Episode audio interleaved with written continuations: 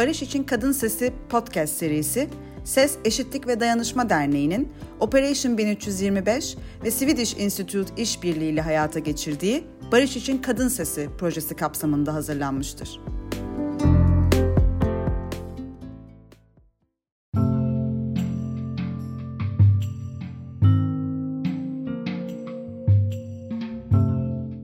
Barış için Kadın Sesi projesi kapsamında gerçekleştirdiğimiz Barış'ın uluslararası boyutuna odaklanan podcast serimizde insan hakları, kadına yönelik şiddet, küreselleşme ve kalkınma dinamikleri gibi multidisipliner çalışmaları ile tanıdığımız Profesör Doktor Yakın Ertürk'ü ağırlamaktan büyük bir mutluluk duyuyoruz. Yakın Ertürk, birçok akademik ve kurumsal rolünün yanında 2003 ve 2009 yılları arasında Birleşmiş Milletler Kadına Yönelik Şiddet Özel Raportörlüğü görevini üstlendi. Farklı uluslararası bağımsız soruşturma komisyonlarında ve Avrupa Konseyi İşkenceyi Önleme Komitesi'nde üyelik görevlerini yürüttü.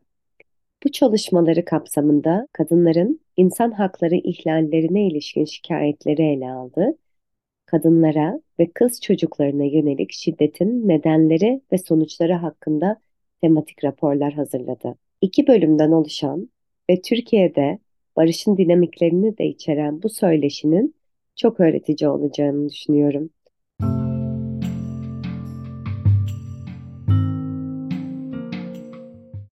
Yayınımızın ikinci bölümüne hoş geldiniz. Kaldığımız yerden kadın barış güvenlik gündeminin dinamiklerini tartışmaya devam ediyoruz. Günümüz e, konumuz açısından bakacak olursak Güvenlik Konseyi kararı her Güvenlik Konseyi kararı da dediğim gibi 2000'de çok büyük bir heyecanla biz e, bunun kabulünü e, yaşadık. E, ve e, bu karar e, çatışma çözümü ve barış süreçlerinde ka, e, cinsiyet hassas cinsiyet hassasiyeti getirmiş ve bu yönde e, görevlendirmeler taraflara e, e, e, yapmıştır. Ancak e, bazı e, kadın e, e, barış hareketinin ilkeleriyle çelişen yanları e, mevcut. Örneğin e, cinsel suçlar öncelikli sorun olarak tanımlanır. E, bundan önce tabii her şeyden önce e, barış ve savaşın birbirinden kopuk iki olgu olduğu anlayışından hareket eder. Yani zaten barış e, Güvenlik Konseyi'nin varlık nedeni savaştır. Değil mi? Onun için bu kararda savaşa yoğun. Yani böyle bir barışla alakası olmayan bir e, oluşum e, da kendisini sınırlar. İkincisi dediğim gibi cinsel suçlara öncelik verir. Kararın 9 ve 12, 9 ve 12 paragrafları çatışmada kadın haklarının korunmasıyla ilgilidir ve savaşın tarafları kadın ve kız çocukların özellikle cinsel saldırıya maruz kalmamalarını teminat altına almaya, suçluları yargılamaya ve cezalandırmaya çağırır. Daha sonra kabul edilen Güvenlik Konseyi kararları çatışma sırasında cinsel suçlar üzerinde yoğunlaşmıştır. Kadın ve barış bu, bu da tabii bize birçok feminist düşünürü kaygılandırmıştır. Çünkü barış, kadın barış ve güvenlik gündemi açısından bölücü ve parçalayıcı bir risk e, yaratmaktadır. Bu şekilde e, belli bir e, konuya özgü bir e, kendi içinde özel bir mesele olarak ayrımcılık tanımak. E, ama tabii ki e, bu bu tür e, e, riskler sadece Güvenlik Konseyi kararıyla sınırlı değil. BM'deki pek çok mekanizma bizim önemsediğimiz ve kullandığımız pek çok mekanizmayla e, ilgilidir. Bir diğer önemli bir çelişki kadın hareketinin öncelikli konusu olan silahsızlanma gibi çok önemli bir konuda Güvenlik Konseyi kararı sessizdir. Ee, bu kararlarda savaşan tarafların silahları bırakması konusuna değinilir ve bunun yol haritası çizilir. Ama dünya küresel olarak bir siyah, silahsızlanma, militarizme karşı herhangi bir bakış açısı yoktur. Yani bu bir yerde konseyin kendi kimliğine ters düşen bir anlayış. Bu çelişkiler dediğim gibi e, e, Güvenlik Konseyi ile sınırlı değil. Birleşmiş Milletler sistemi, kurum ve normları genel olarak feminizm açısından e, sorunlu ola gelmiştir. Ve zaten feminist hareketin bu sistemle olan ilişkisi bu çelişkileri giderme yönündeydi. Bunları çok kısaca değinecek olursam bir e, insan hakları paradigmasının androsantrik olması yani heteroseksüellik, seks, heteroseksüel normallik ve aile merkezli olması. İki, kamusal özel alan ayrımına dayanması.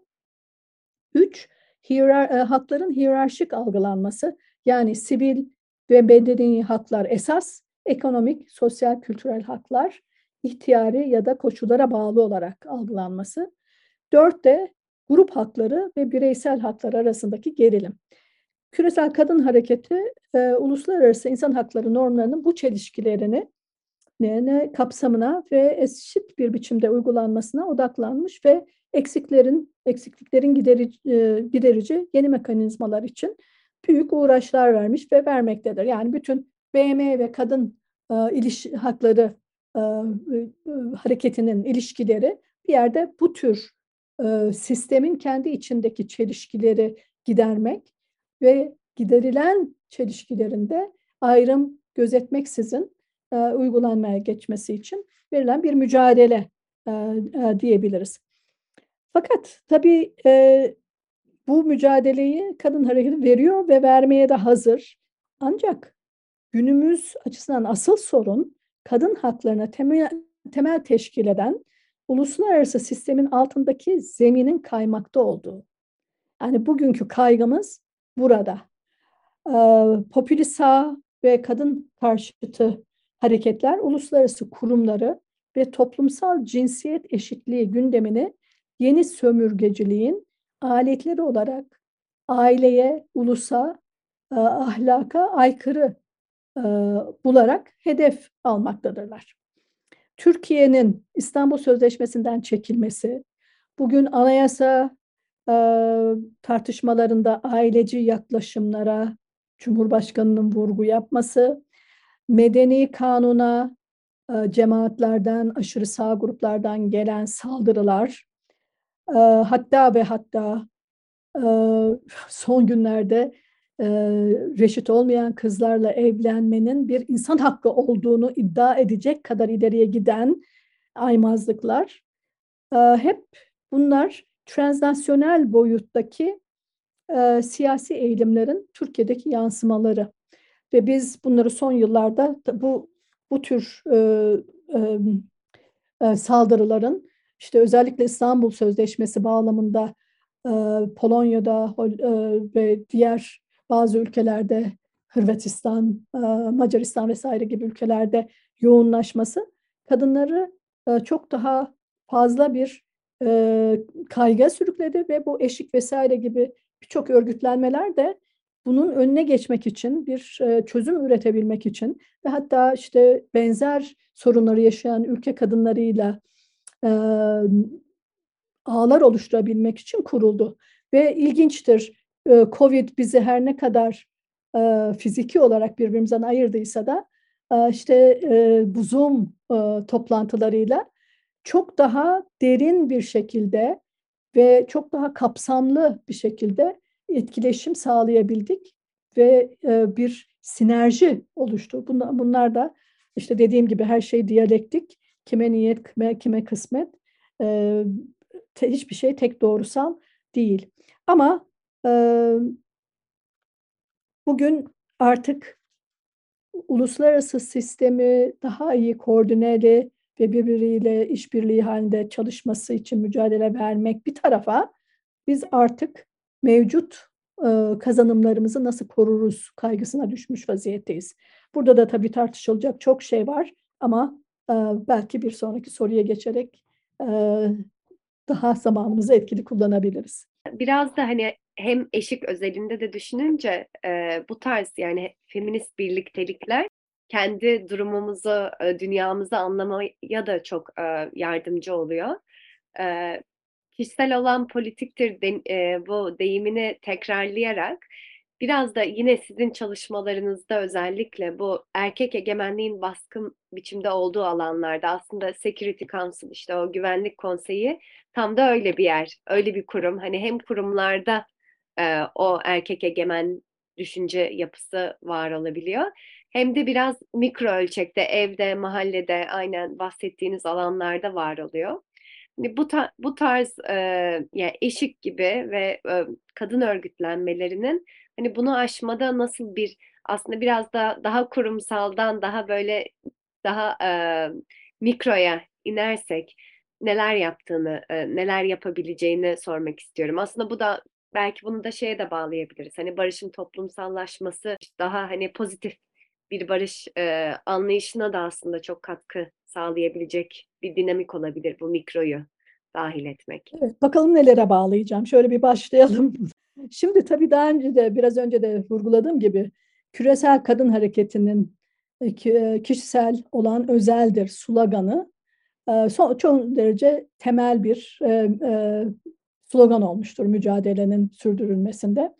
Ve bu bize öz, siyasaya ve hukuka kapalı olan özel alanın ki kadının insan hakları e, açısından en sorunsal olan e, görünmeyen alanını e, denetime açmıştır ve ortaya çıkartmıştır ve dolayısıyla bu e, kamusal alan, e, özel alan e, mitini bir yerde ortadan kaldırabilmiştir. Çünkü e, özel hayatımızda yaşadığımız şeyler öz, özel değil, siyasidir.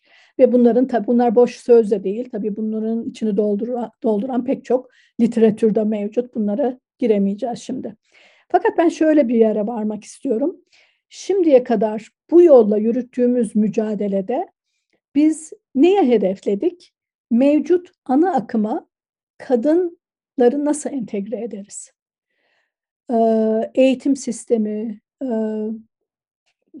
siyasi haklar, işte gelir eşitliği vesaire gibi yani bir yerde liberal bir e, çizgi, e, yaklaşım izleyerek e, ana gender mainstreaming denen toplumsal cinsiyetin ana akımlaştırılması yaklaşımını bir e, temel alarak biz mücadelemizi yürüttük. Şimdi Pekin konferansı sırasında e, toplumsal cinsiyet terimi sırasında ve sonrasında toplumsal cinsiyet e, terimi, gender terimi BM içinde ve dışında e, tartışmasız bir analiz ve politika oluşturma aracı haline geldi. Tabii sonradan çok sapmalar oldu. Nasıl kullanılıyor? Bugün ben çok tereddütlüyüm bu konu. Birisi toplumsal cinsiyet deyince neden bahsediyor? Ben her zaman emin değilim. Ama o bir tarafa. Şimdi 1997'de Birleşmiş Milletler Genel Kurulu bir adım daha kavramı taşıyarak e, politikaların, programların ve bütçelerin etkisinin cinsiyet eşitliğini sağlayıcı bir biçimde uygulanmasında örgütün her bölümünün sorumlu olması için toplumsal cinsiyetin ana akımlaştırılması kararını kabul etti. Ve tabii çeşit, bu dönemlerde çeşitli vesilelerde ben hep BM sistemi içinde var olduğum için bunun nasıl ne kadar çabuk bir şekilde sistem içinde ve hatta sistem dışında popüler bir kavram ol, oluşturduğunu ve hızla yayıldığını e, bizzat gördüm. E, çünkü bir yerde ana akımlaştırma dediğiniz zaman böyle bir yol haritası veriyorsunuz insanların eline. Checklist daha doğrusu. Tamam şunları şunları yaparsan ana akımlaştırma yapmış oluyor. Yani biraz biraz kolay bir e, e, şeye indirgeyebiliyorsunuz böyle zor bir sorunu. E, tabii e, birçok arkadaşım bana e, kızar ben e, ana akımlaştırmayı bu kadar basitte indirgeyip karşı görüş belirttiğim zaman ama şimdi bana karşı gelişler biraz daha yavaşladı ki ben, sadece ben değilim bunu eleştiren. Ee, sanıyorum bugün bu eleştiriler çok daha kuvvetli dayanaklara sahip olmaya başladı. Şimdi e, böylece e, ana akımlaştırmayı bazıları feminist ilkelerin kurumsallaşması olarak görmeye başladı. ana akımlaştırma yoluyla biz feminist ilkeleri sistemin içine entegre ediyoruz. Evet biraz önce de, de dedim ya BM'yi feminize etmiştir. Ama işte bunların hepsi bir yerde yüzeysel mi yoksa hakikaten derinlerde bir dönüşüme yol açıyor mu gibi e, soruları da e, beraberinde getiriyor. Onun için bunun gerçekten feminist hedefler için bir zafer mi e, ya da bir tuzak mı olduğu sorusu hiç de e, göz ardı edilmemeli bence ve bunu sorgulamak için pek çok artık tecrübeden e, kaynaklanan nedenimiz var. Toplumsal cinsiyet kavramından ne anlaşıldığı ve neyin neye entegre edilmek istendiği her zaman çok net olmamakta. Hatta toplumsal cinsiyet konusunda yeterli bilgi ve becerisi olmayanların elinde e, bu yaklaşım amacını son derece aşıp zararlı bir araca da dönüşebiliyor. Şimdi e, çok yerde örnek veririm Cezayir ziyaretimden. Bunu da Cezayirlerden özür dilerim. Ama çok böyle çok açık seçik bir örnek olduğu için hep kafamda kalır. Yoksa başka pek çok örnek var. Cezayir ziyaretim bir Ramazan ayına denk gelmişti. Ve illerden birinde bir e, polis e, karakolunu ziyaret ettim. E, polis e, e, komiseri beni etkilemek istedi. Dedi ki biz dedi ana akımlaştırma yapıyoruz. Gender mainstreaming yapıyoruz karakolumuzda. Aa çok ilginç dedim. Ne yapıyorsunuz mesela? Dedi ki Ramazan ayında kadın polisleri erken saatte işi evden eve gönderiyoruz ki Ramazan yemeğini yapabilsinler. Yani kadın ve erkeği özcü bir şekilde ele al, alma ve farklı muameleye tabi tutma. Böyle bir yanılgıya tabii bu farklı mı aynı mı tartışması feminizmde çok delicate, hassas bir tartışmadır ve yerinde bir tartışmadır. Ama iş bu kadar kaba boyutlarıyla ele alındığı zaman tabii ki e, çok istenmeyen yerlere gidilebiliyor. Dolayısıyla benim e, bu konuda çok tereddütlerim hep başından beri vardır. Ama tabii şunu da e, teslim etmek gerekir ki ana akımlaştırma sayesinde cinsiyet eşitliğinin gönüllülük kazandığı, pek çok alanda kadınların iler, ilerleme sağladığı ve feminist aktivizmin ivme kazandığı da bir gerçek. E, ancak kadın haklarının ana akım ataerkil iş bölümüne dayalı erkek modeline göre tanımlanmış olması göz ardı edilmemeli. Ana akım dediğimiz şey erkek modeline göre kurulmuş bir sistem.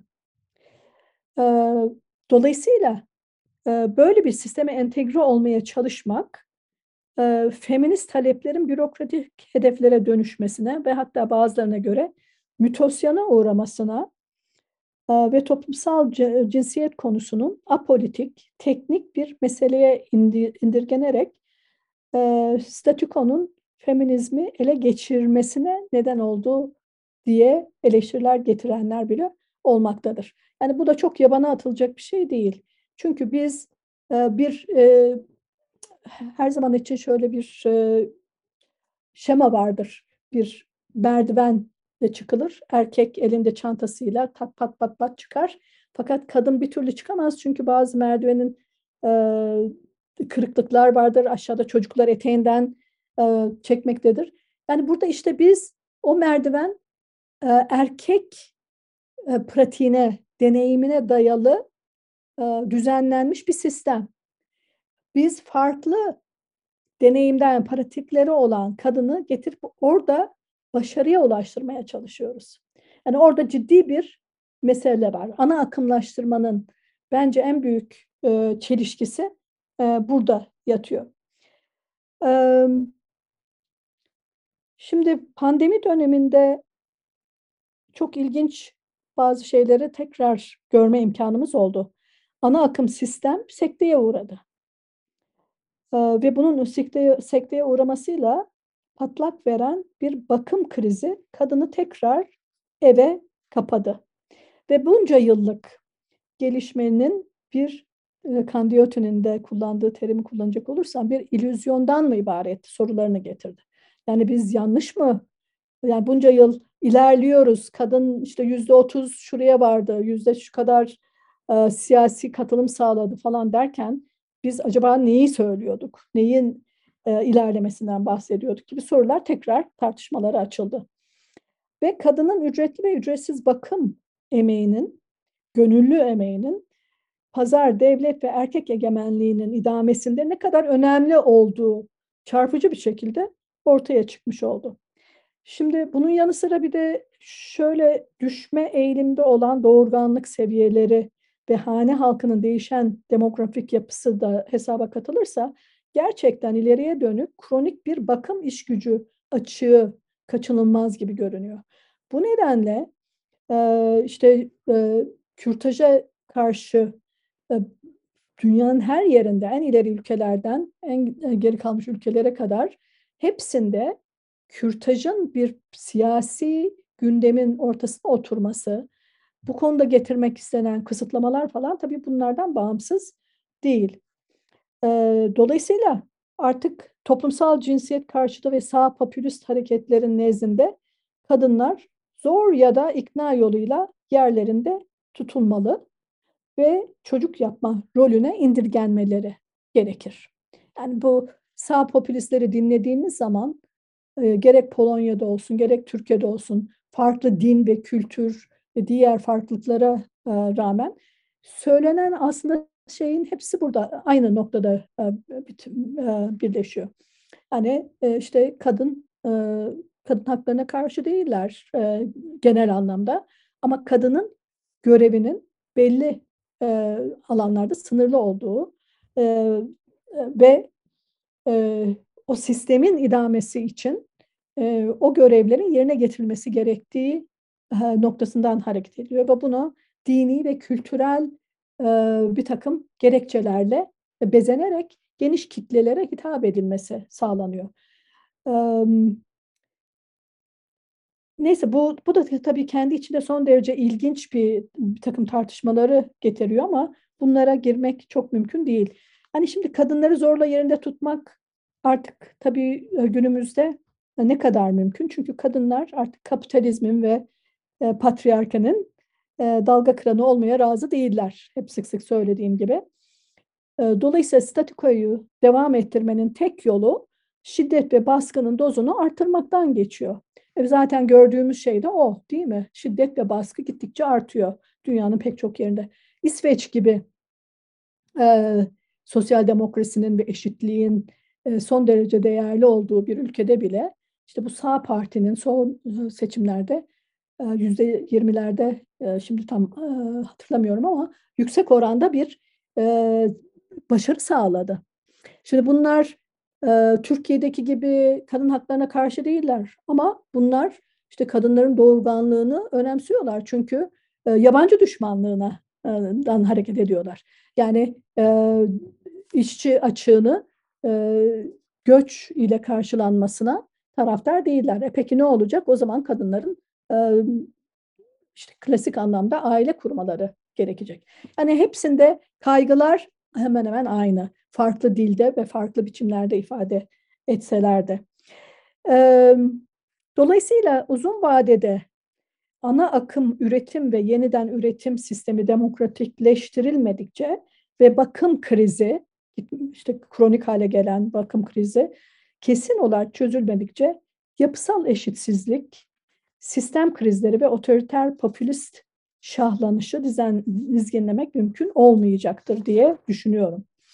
Bu bağlamda ekonomi, devlet ve uluslararası sistemin örgütsel ilkesi olan ana akım geçim modelinden e, kalk, modelinden bakıma dayalı bir modele geçmek için bir paradigma değişimine ihtiyaç var.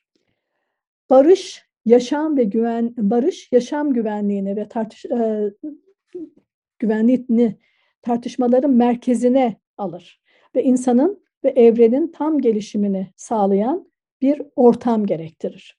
Bunu yaparken bakımı meta e, ve özelleştirilmiş kadın cinsine özgü bir sorumluluk olarak değil, insana ve gezene, gezegene karşı yıkımı ortadan kaldıracak bir etik değer olarak tanımlamak gerekir. Yani bir fiil e, açık e, savaşlar ra kadar gitmesek bile bir toplumsal barışın sağlanması için dahi bu yaşam güvenliğinin sağlanmasında artık bakıma daha fazla odaklanma e, gereği var diye düşünüyorum. Böyle bir paradigma e, değişiminin eşiğindeyiz. Çok teşekkürler. Aslında bu yapısal olanın bu diyaloğa da yani e, dahil edilmesinin çok önemi var diye düşünüyorum. Ve dediğiniz gibi bunlar hep dönüşüm halinde yani diyalektik bir süreç. E, o yüzden bolca bunları konuşup o dinamikleri anlamakta e, çok fayda var diye düşünüyorum. Bu son, son soruya da dö- dönecek olursak aslında yine biraz e, cevapladık e, başka sorularda. Ama bu e, barış inşa süreçlerinde yine barışı daha geniş bir anlamda kullanıyorum. Yani o ikilemden ayırarak bu yapısal sorunların aşılmasında e, kadınlar Türkiye özelinde e, neler yapabilir? Bu barış ortamının diyelim, hani barış ortamının sürdürülmesinde ve etkili olmasında hani mevcut ilerleyen dönemimizde kadınlar neler yapabilir e, diye sormak istiyorum. Evet, şimdi e, tabii gene burada bir önceki soruyla bağlantı kurarak ana akım, yeni bir ana akım tahas, e, tahayyül etme zorundayız. Yani gele, e, böyle gelmiş böyle gitmez artık. E, ve tam da zamanı bence. E, kadınlar güçlendi ve kendi e, dinamiklerinin, kendi e, kimliklerinin ve pratiklerinin bilinciyle e, daha farklı bir dünya düzeninin oluşabileceğine artık e, inanabilir ve bunu e, bunun için harekete geçebilir diye düşünüyorum. Ama e, barışın inşası ve bütün bunları sadece kadınların omuzuna da yıkmamamız e, gerekir diye düşünüyorum. Bu e, açıdan da erkekleri bu süreçte nerede olduklarını da sorgulama önemli. Şimdi ataerkil erkeklik her ne kadar iktidarı sembolize etse ve erkekler baskı ve şiddet içeren sektörlerde yoğun olarak konuşlanmış olsalar da savaşmak illaki doğal bir erkeklik özelliği e, değildir. Yani bunu hatırda tutmak lazım. Gerçi hani bütün gördüğümüz o şiddet eylemlerinden sonra böyle bir e, şeyi hatıra getirmek bile bazen abesle iştigal olabilir ama gerçekten e, böyle bir özcü yaklaşımla erkek kimliğine e, böyle bir özcü yanılgıya düşmemek gerekir diye düşünüyorum. Milliyetçi ve militarist ideolojilerin pompaladığı ideal savaşçıl erkek imajı bir şey, erkekleri iyi bir savaşçı yapmak başka bir şey. Zira her erkek savaşmaya hazır ve razı değil. Ee, iyi bir savaşçı imajındaki erkekliğin yaratılması gerekmektedir. Milliyetçi söylemler, militarist stratejilerle desteklenmesi ve denetim altında tutulması erkeklerin e, böyle bir erkekliğin denetim altında tutulması gerekiyor. Bunun için de zorunlu askerlik, ağır disiplin müeyyideleri, savaş döneminde erkeklere cinsel ödüllerin e, reva görülmesi gibi yollara başvurulduğunu e, biliyoruz. Daha pek çok şey sayılabilir. Ve ne yazık ki böyle bir erkeklik empozesine çok güçlü bir karşı geliş henüz böyle bir karşı hareket güçlü bir harekette henüz e, yüz yüze değiliz. Gerçi pek çok bireysel düzeyde bazı e, daha küçük düzeylerde e, bu yönde e, erkek hareketleri oluşmaya başladı. E, işte vicdani redçilik vesaire gibi. E, fakat bunların tabii bireysel olmaktan bir kitlesel harekete dönüşmedikçe e, bireyler her zaman için ezilmeye mahkum. E, ama burada bir potansiyel var diye düşünüyorum ve toplumların hiç olmadığı kadar kutuplaşmış ve hakların sınırlandırılmış olduğu günümüzde, günümüz dünyasında e, erkeklerin de yaşam alanının son derece daraldığını ve dolayısıyla baskıya karşı arayış içinde işte e, bireysel ya da e, küçük düzeylerde bazı protestolarda yer aldıklarını e, görüyoruz. İşte burada da bir potansiyel var. Burada da bir e, güce dönüşecek bir inisiyatif var e, diye e, düşünüyorum. Dolayısıyla e, yükselen sağ popülizm karşısında birbirinden kopuk e, olan ilerici hareketler arasında stratejik ortaklıklar kuracak ve feminizmin dönüştürücü e, gücünü tekrar harekete getirecek geniş tabanlı bir vizyon ve stratejiye ihtiyaç var. Şimdi Bu kadın hareketi içinde de tartışılan bir şey. Nasıl feminist hedeflerden hedefleri feda etmeden şu içinde bulunduğumuz ortamda farklı grupları da içeren geniş tabanlı bir harekete girebiliriz. Bu gerçekten yanıtlanması gereken henüz tatminkar bir çözüm üretilebilmiş olan bir şey değil ama üzerinde durulması gereken en önemli feminist hareketin sorunsalı bence bugün için. Bu bağlamda fazla uzatmamak için Asaf Bayat'ın İran'daki protestolarla ilgili verdiği bir röportajda çok anlamlı bulduğum görüşlerine yer vererek sözlerimi e, bitireyim istiyorum. Belki siz de okumuşsunuzdur onun e, mülakatını. Bayat'a göre dönüşüm amaçlayan toplumsal mücadelelerin fitilini farklı taleplerin, umutların ve hayallerin ifade edilmesi yakar. Bu çok önemli bir şey. Yani bu feministlerin dışında da e, bu ateşte yanan insanların e, bir araya gelip sisteme e, odaklanması gerekir. Muhalif, muhalif halk ile rejim arasındaki güç dengesini hiçbir sosyal grup, işçiler, yoksullar, orta sınıf, kadınlar veya gençler tek başına değiştiremez. Gerçek siyasi dönüşüm çabaları daima toplumun dışlanmış, hoş görülmüş, umutları çalınmış ve baskı gören farklı sosyal grup ve sınıflarının iş ve eylem birliği ile başarıya ulaşmıştır. Sorulması gereken bu taleplerin ortak, kapsamlı, yalın ve anlaşılabilir, bu çok önemli, yalın ve anlaşılabilir çerçeveye nasıl oturacağı, talep sahiplerinin kendilerini nasıl tanımlayıp hangi dili kullanacaklarıdır. Bu bağlamda kadın yaşam özgürlük sloganının tüm toplumsal grupların damarlarında hissedil, hissedip içselleştirilecekleri bir şekilde ifade edilmesi, köklü siyasi, sosyal ve e, ekonomik değişimlerin ancak bu tür kolektif bir söylemle gerçekleşebileceğinin vurgulanması gerekir. Bunu söylemek kolay, yapması zor. Ee, İran'da 40 yılı aşkın bir zamanda insanlar kadın yaşam özgürlük sloganını damarlarında hissedecek duruma gelebildiler. Ee, bu gerçekten çok üzerinde durmamız gereken ve e, yol gösterici bir e, anlayış. Türkiye'de kadınların barış hareketinin artık olgun bir düzeye ulaştığı kanısındayım. Ve mücadele e, tabanlarını diğer ilerici hareketlerle ulus ve ulus ötesi benzer kadın hareketleriyle güçlü ağlar kurarak genişletmeleri, dönüştürücü potansiyellerini güçlendirmeleri gerekmektedir. Bundan sonraki çabalarımız sanırım bu amaca yönelik destek verici yönde olmalıdır. Yani artık şimdiye kadar işte liberal bir söylemle ana akıma entegre olmaya çalıştık. Uluslararası düzeyde yeni mekanizmaların oluşması için çabaladık. Bunların hepsinin e, olumlu yanlarını hala koruyup ve sahip çıkmamız gerekir. Ama bunun ötesinde sanırım çok daha büyük bir e, cephe açılmış durumda karşımızda. Ve bu, bu sadece bizim Türkiye'deki kadınları değil, e, tüm dünya kadınlarını etkileyen bir durum. Dolayısıyla şimdiye kadar ki kazanımlarımız zaten tüm kadınları e, birleştiren bir e, noktada sağlanmıştır. Bu gücü tekrar canlandırıp ama daha geniş bir tabana yaymanın yollarını bulma zorundayız diye düşünüyorum.